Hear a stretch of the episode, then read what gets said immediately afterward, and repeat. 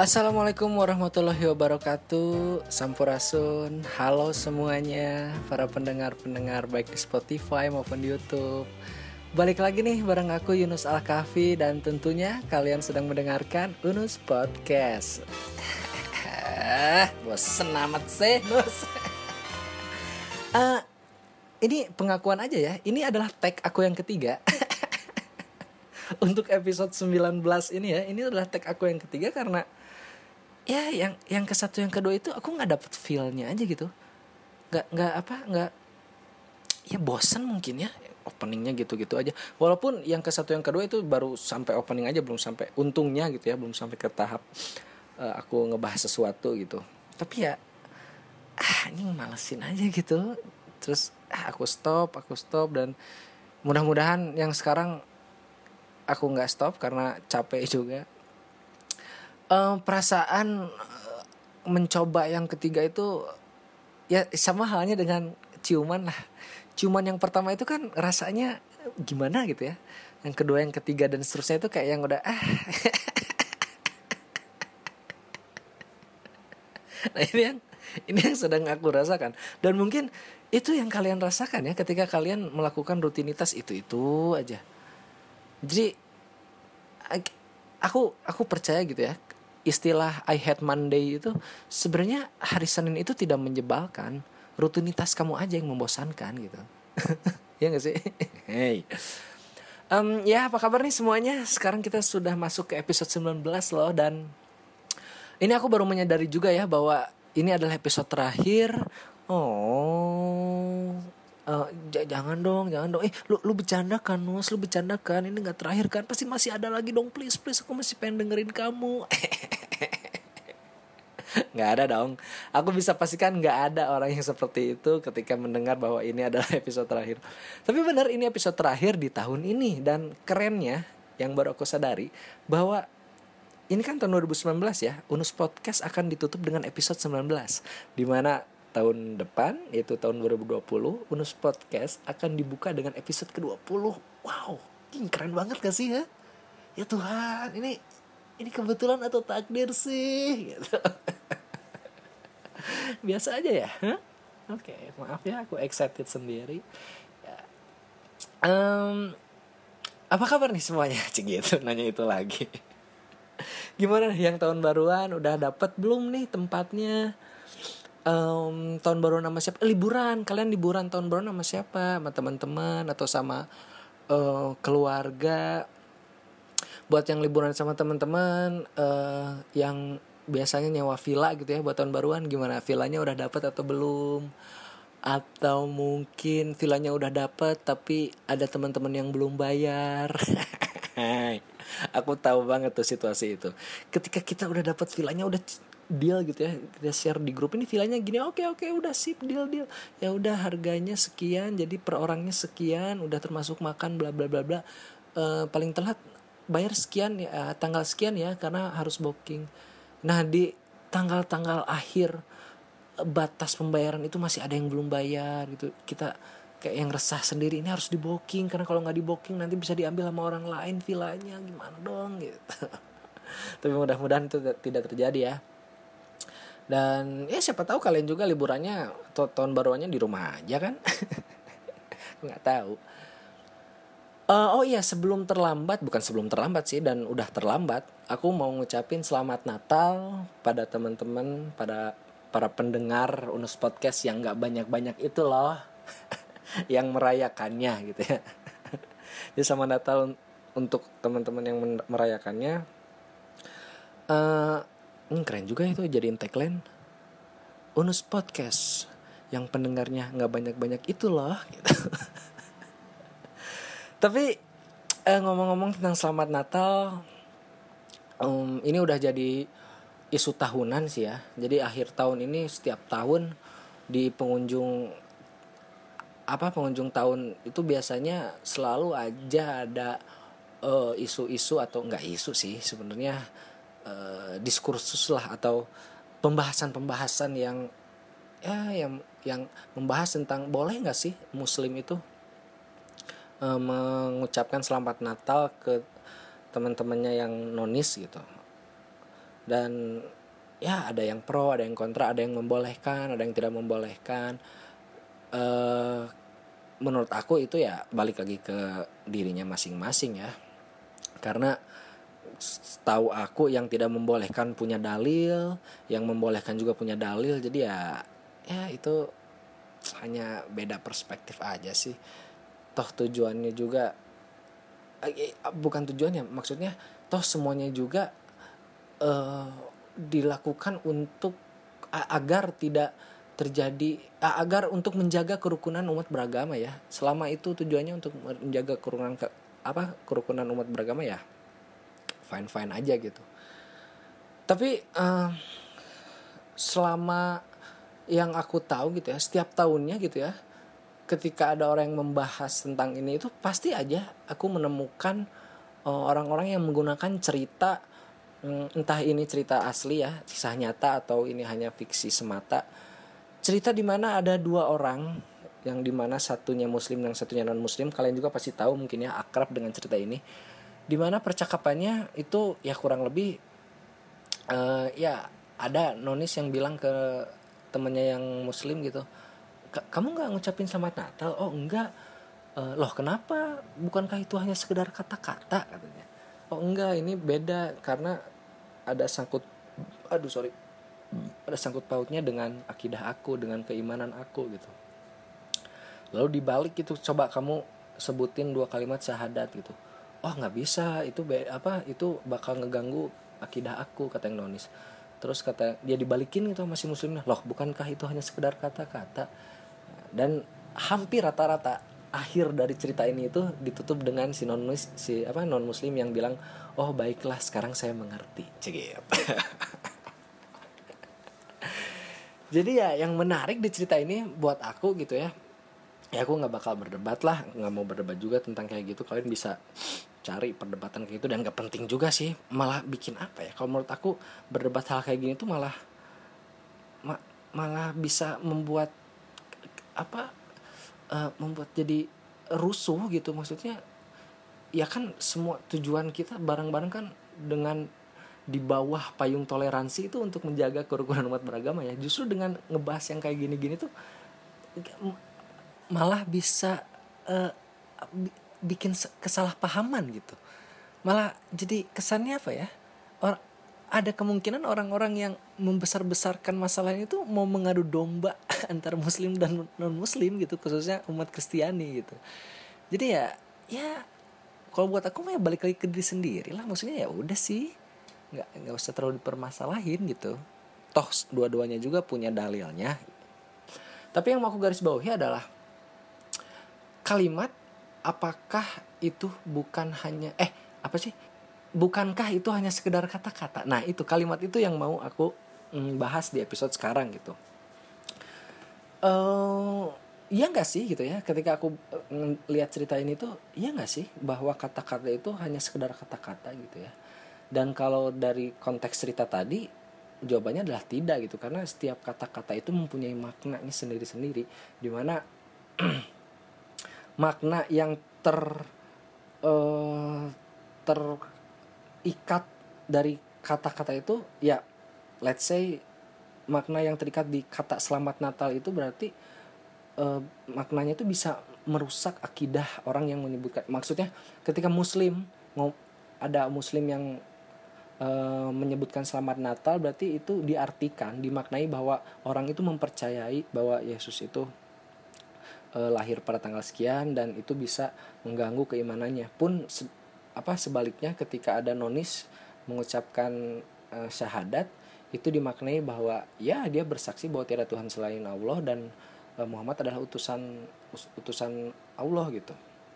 Dan itu lagi-lagi e, merusak akidahnya gitu merusak keimanannya. Itu makna yang uh, yang aku lihat di cerita tadi. Tapi uh, balik lagi bisa nggak sih bahwa kata-kata itu ya hanya kata-kata aja gitu? Kan problemnya itu bukankah itu hanya sekedar kata-kata? Loh iya itu hanya sekedar kata-kata. Nah bisa nggak sih um, status dari kata-kata itu tuh ya hanya sekedar kata-kata aja tidak bisa kita maknai gitu? Nah untuk menjawab itu aku jadi ingat um, apa uh, pembahasan di kuliah aku dulu. Cek gitu kuliah sebagai mahasiswa komunikasi uh, sebagai orang yang mengambil S1 dan S2-nya komunikasi walaupun S2-nya belum lulus dan S1-nya itu lulus dengan tujuh tahun. Enggak enggak tujuh enam tahun deh enam tahun karena satu tahunnya aku harus cuti sakit. Ya tapi tetap aja lama nus. Oh iya sih oke. Okay.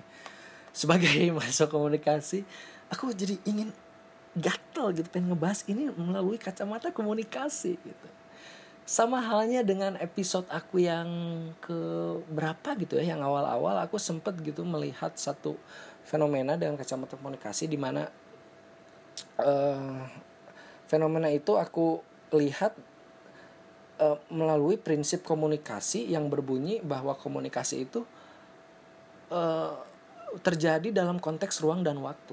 Nah, untuk hal ini juga untuk episode kali ini juga aku mau menggunakan salah satu prinsip komunikasi yang berbunyi uh, bahwa komunikasi itu adalah proses simbolik.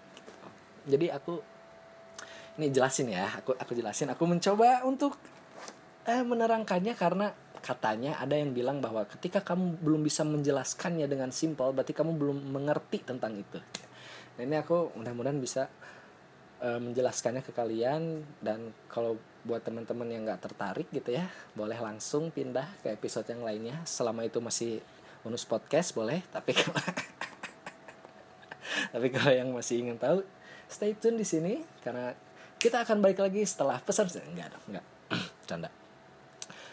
Jadi ya itu apa prinsip komunikasi. Ada satu prinsip komunikasi yang berbunyi bahwa komunikasi adalah proses simbolik. Jadi pada dasarnya ketika kita berkomunikasi gitu ya. Ya contohnya cerita tadi lah itu kan ada dua orang yang sedang berkomunikasi gitu ya. Nah saat kita berkomunikasi itu kita itu sedang melakukan uh, pertukaran uh, pesan-pesan di mana pesan-pesan itu adalah simbol-simbol dan ya lambang-lambang yang kita terima dan akhirnya kita maknai gitu. Ya jadi maksudnya ketika kita berkomunikasi itu entah itu gestur tubuh kita, mimik muka, intonasi, bahkan kata-kata setiap kata yang keluar dari mulut kita atau setiap kata yang kita tulis misalnya di WhatsApp atau di email kita itu itu tuh adalah simbol-simbol yang berpotensi dimaknai oleh lawan bicara kita yang berpotensi dimaknai oleh para peserta komunikasi tersebut gitu. Nah, lambang-lambang ini kan bentuknya macam-macam gitu ya bisa uh, non verbal uh, verbal bisa objek selama hmm, selama lambang itu dis eh, gimana ya jadi lambang itu kan adalah sesuatu ya lambang atau simbol atau tanda itu adalah sesuatu yang digunakan untuk menjelaskan sesuatu yang lainnya gitu sesuai dengan kesepakatan bersama. Nah, kata kuncinya itu ada itu, kesepakatan bersama. Jadi ketika aku bilang mobil, semua orang yang mendengarkan podcast ini yang nggak banyak-banyak itu loh. semua yang nggak dengerin podcast ini ketika aku bilang mobil, di benaknya itu pasti nggak mungkin sih pak. Ya ya 90% lah. Uh, yang ada di kepalanya itu ya bentuk mobil aja. Ya atau kendaraan mobil aja. Bentuknya itu bisa bermacam-macam. Bisa ada yang bayangin sedan memaknainya itu sedan atau kijang itu bebas gitu nah itu yang dimaksud dengan kesepakatan bersama. Jadi eh, kesepakatan bersama itu bi, bi, apa ya walaupun kita tidak hadir tidak hadir dalam rapat kesepakatan itu oke okay, benda ini kita sebut mobil sepakat semuanya sepakat gitu. Enggak walaupun kita nggak hadir di rapat itu tapi itu sudah turun temurun udah jadi kebiasaan lah di lingkungan kita. Uh, ya udah pas itu oke? Okay? aku bingung nih mau ngomong apa lagi nah lambang-lambang ini ya simbol-simbol ini ini tuh wah ini banyak banget sih maksudnya. Ini setiap hari kita tem temukan dan kita itu hidup di dikelilingi oleh banyak banget lambang-lambang dan simbol-simbol yang ya mungkin sadar tidak sadar kita uh, memaknainya dengan sendiri gitu secara otomatis kita memaknai gitu. Uh, misalnya gitu misalnya ketika ketika hmm, apa ya, ketika kita lagi di jalan terus ngelihat ada orang yang menggunakan kemeja putih dan bawahan abu-abu nah itu secara otomatis benak kita tuh ya di kepala kita itu mikir wah ini orang ini siswa SMA nah atau mungkin ketika kita melihat ada orang yang menggunakan uh, uh, baju muslim gitu ya celana cingkrang berjanggut uh, nah kita ma ma apa memaknai itu bahwa oh dia itu orang Islam gitu. Agamanya Islam. Pun ketika kita melihat misalnya di angkutan umum atau di tempat umum ada orang yang uh, menggunakan kalung salib nah kita secara otomatis memaknai, memaknai oh dia orang Kristen gitu. nah lambang itu ada di mana-mana gitu. Lambang itu ada di mana-mana dan kita sangat uh, apa kita secara tidak sadar melakukan proses pemaknaan gitu. Di mana proses itu adanya di dalam kepala kita jadi nggak terlihat gitu. Nah yang jadi masalah adalah ketika kita uh, berbeda uh, ketika ada dua orang yang berbeda dalam memaknai sesuatu. Misalnya gitu misalnya ketika um, aku dan pasangan aku gitu aku jomblo by the way. Uh, jangan deh jangan jangan jangan aku deh. Kita misalnya atau kalian kalian misalnya dengan pasangan kalian uh, ya walaupun kalian jomblo mungkin pernah lah pacaran gitu ya. Ketika pasangan kita diam diam itu kan bahasa nonverbal ya. Jadi ketika pasangan kita diam dan menunjukkan muka yang ya yang kusut gitu ya yang cemberut gitu. Nah it, it, itu kan kita maknanya wah ini ini ini ini orang marah nih gitu. Ini ini orang nggak baik-baik aja nih ini orang marah. Tapi bisa jadi si pasangan kita itu diam itu yang yang yang dia makna itu diam itu entah itu ngantuk entah itu uh, lapar.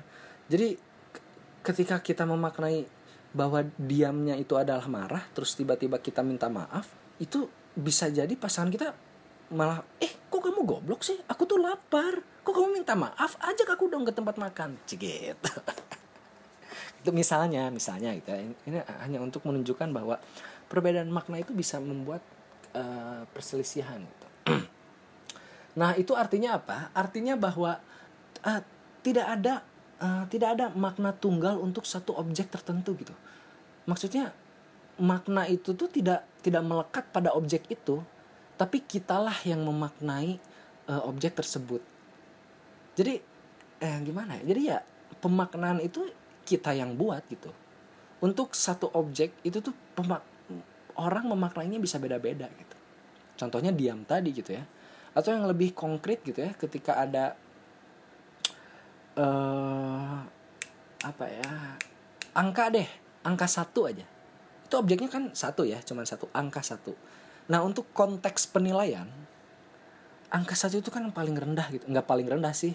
Satu tahap di atas nol gitu ya. Maksudnya rendah lah ya. Kategorinya rendah jelek gitu. Kalau kita dapat ujian terus uh, dan skornya satu itu berarti jelek gitu.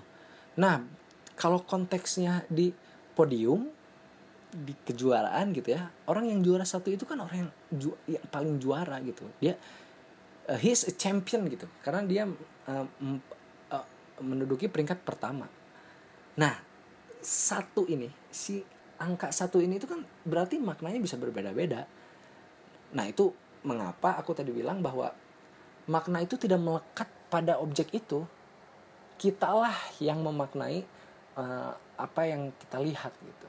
Jadi semua yang kita lihat itu sebenarnya nggak nggak nggak punya makna. Kita yang memaknainya. Termasuk kata-kata gitu ya.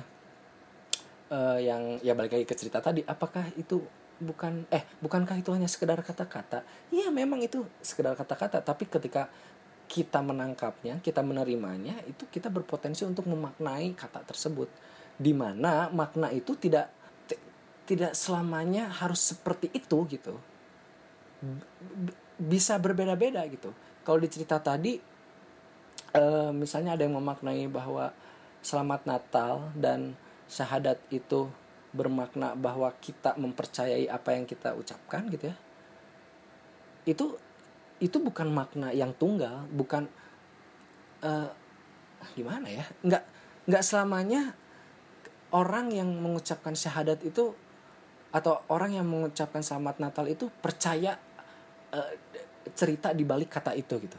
Jadi ya misalnya selamat Natal belum berarti orang ketika orang ngomong selamat Natal belum berarti orang itu percaya bahwa Yesus uh, lahir pada tanggal itu.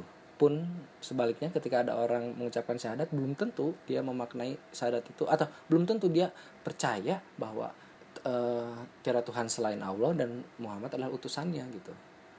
Karena maknanya itu tidak melekat pada kata itu tapi kita lah yang memaknainya cegit ngerti gak sih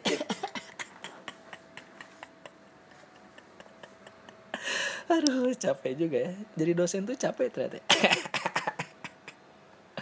Ntar ya aku ngopi dulu. Ngerti lah ya sampai sini. Gimana? Ada yang mau bertanya nggak coba? Ya yang di sana cigit ini makanya aku uh, mau ngomong gini juga karena aku yakin nggak bakal ada yang nanya. Karena ini sifatnya satu arah.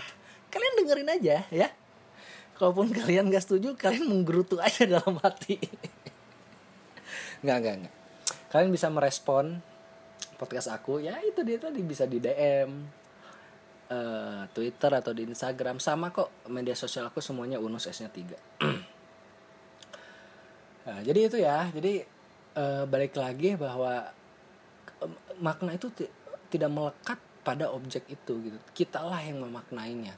Dan cara kita memaknai sesuatu itu itu bisa dipengaruhi oleh banyak faktor gitu. Uh, misalnya faktor aduh bentar pengen bersin.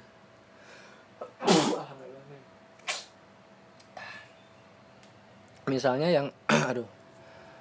Misalnya yang uh, paling bisa mempengaruhi orang memaknai sesuatu itu misalnya uh, budaya, culture gitu ya, di mana orang itu tinggal. uh, ya contohnya uh, kata jangan aja, jangan kan menurut KBBI itu ya jangan ya tidak boleh gitu ya, tapi eh nggak tahu ya. Sepengetahuan aku gitu ya kata jangan itu di daerah Jawa itu artinya sayur gitu. Dan ya itu salah satu contoh dipengaruhi oleh culture gitu ya. Dan ah, simbol-simbol seperti apa ya? Lama Garuda deh. Untuk jangka waktu yang cukup lama Garuda misalnya kita ngedengar kata Garuda ya yang terbesit ya mungkin atau kita memaknainya kata itu ya Garuda burung. Bisa juga Garuda Pancasila yaitu lambang negara.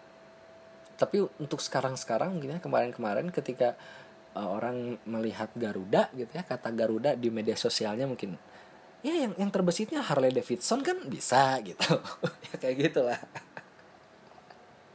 Atau ini deh angka deh. Angka kan tadi satu itu tadi konteksnya perbedaan konteks ya. Satu kalau di penilaian itu jelek tapi kalau untuk eh, konteksnya di atas podium itu yang paling juara gitu. Angka bisa juga dipengaruhi oleh waktu.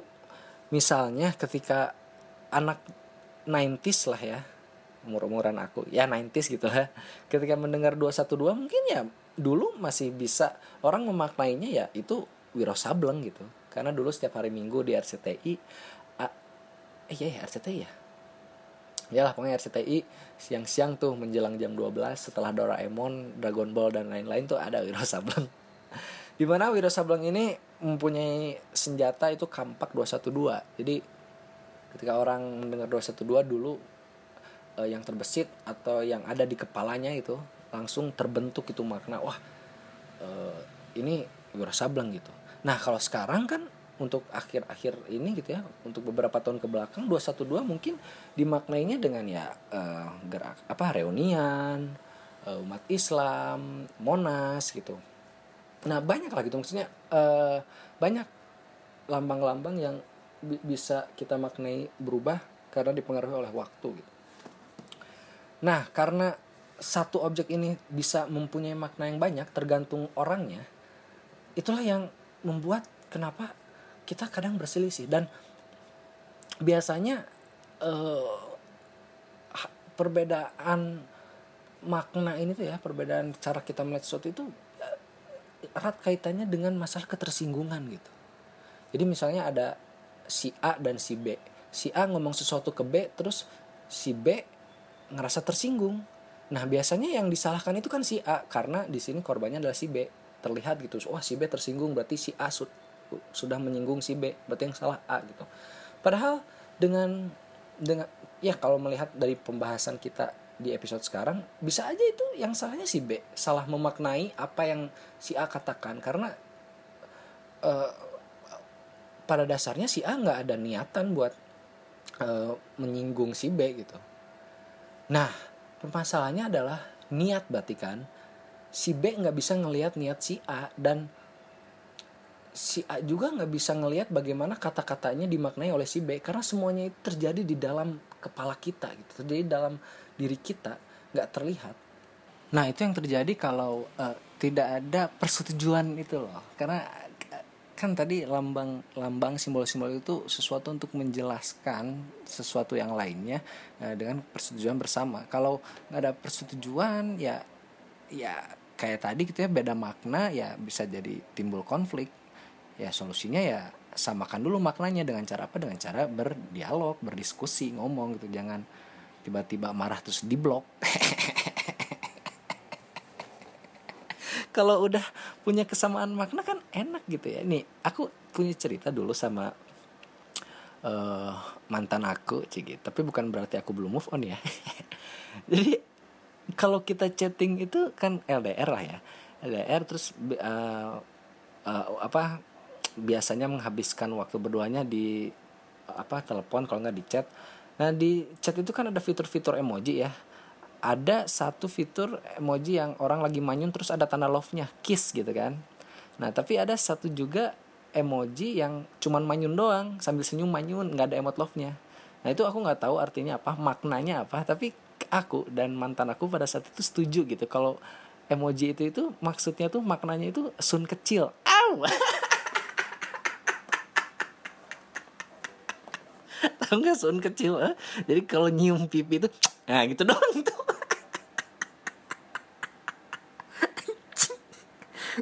geli. Dulu indah banget tau itu kok sekarang geli ya? Aduh. Ya itu maksudnya. Maksudnya harus ada persetujuan bersama dulu gitu.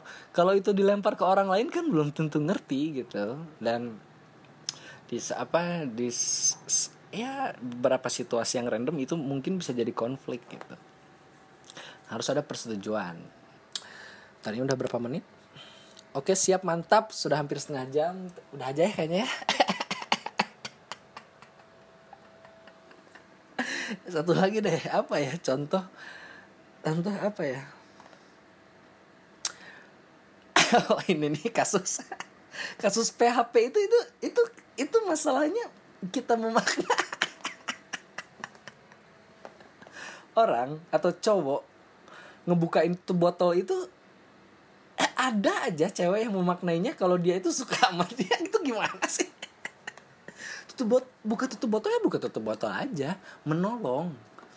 Terus ketika ada uh, apa teman kita yang ngechat kita selamat pagi atau udah makan belum ya ya siapa tahu dia cuman buat basa-basi aja. Nggak nggak ada maksud tertentu. Ini ada aja orang memaknai bahwa oh, dia suka nih sama aku. Dia dia care banget nanyain gue udah makan atau belum. Dia care banget. Parah sih. Gitu. terus ketika dia jadiannya sama yang lain ini apaan sih? Lu kan nanyain gue udah makan atau belum. Kok jadiannya sama yang lain? Yang nggak ada urusannya. Gitu. Memaknai itu salah kamu aja memaknai uh, apa ter, terlalu peka. Seakan-akan itu tuh kode. Pernah? Bukan. Maknanya itu bukan kode. Astagfirullahaladzim. Aduh. Uh, Jadi intinya adalah Cikit Kesimpulannya adalah Om kalau kita balik lagi ke cerita tadi uh, apa eh bukankah itu hanya sekedar kata-kata? Ya memang benar. Itu bukan hanya sekedar kata-kata tapi kata-kata itu tidak bermakna tunggal ketika ada orang yang bilang bahwa kata-kata itu bisa mengubah akidah kita. Karena dengan mengucapkan kata itu artinya kita percaya eh, ada uh, boleh dong gitu boleh dong ketika ada orang yang hanya dengan mengatakan itu tapi tidak percaya gitu. Boleh nggak sih? Boleh dong gitu. Jadi ya tidak selamanya orang yang mengatakan hal itu tuh percaya dengan apa yang dia katakan gitu toh banyak juga pejabat publik gitu ya yang sumpah uh, jabatan tapi akhirnya masih korupsi korupsi juga banyak kan gitu. Ya siapa tahu dia memaknai sumpah itu cuma la la la la la, aku tidak bersungguh-sungguh aku bakal korupsi. Ya siapa tahu gitu ya. Siapa tahu kita kan nggak pernah tahu. Ya udahlah ya terima kasih loh buat uh, teman-teman yang udah ngedengerin dari awal sampai akhir. Mudah-mudahan nih mudah-mudahan uh, podcast kali ini bermanfaat dan mm, mohon maaf jika ada yang tersinggung karena aku tidak apa ada niatan untuk menyinggung kalian. Kalaupun kalian tersinggung mungkin kalian memaknainya. Tapi ini aku jujur tidak ada sedikit pun aku uh, niatan untuk menyinggung. Kalau ada yang tersinggung aku mohon maaf. Uh, terima kasih sudah mendengarkan. Sampai jumpa tahun depan. Selamat tahun baru selamat tahun baruan buat teman-teman yang sedang liburan uh, sehat-sehat terus gitu bahasa basi banget sehat-sehat terus ya sehat-sehat terus karena kalian harus masih apa mas ap, masih bisa mendengarkan Unus Podcast di tahun uh, 2020 ya. Jadi sampai jumpa tahun depan. Uh, semoga tahun 2019 kita tutup dengan uh, kebahagiaan tanpa penyesalan. Kalaupun ada penyesalan itu kita jadikan cambuk, gitu. Cambuk untuk lebih baik di tahun berikutnya. Akhir kata saya Yunus Al-Kafi beserta seluruh kru kerabat yang bekerja pamit undur diri uh, happy new year assalamualaikum warahmatullahi wabarakatuh sampurasun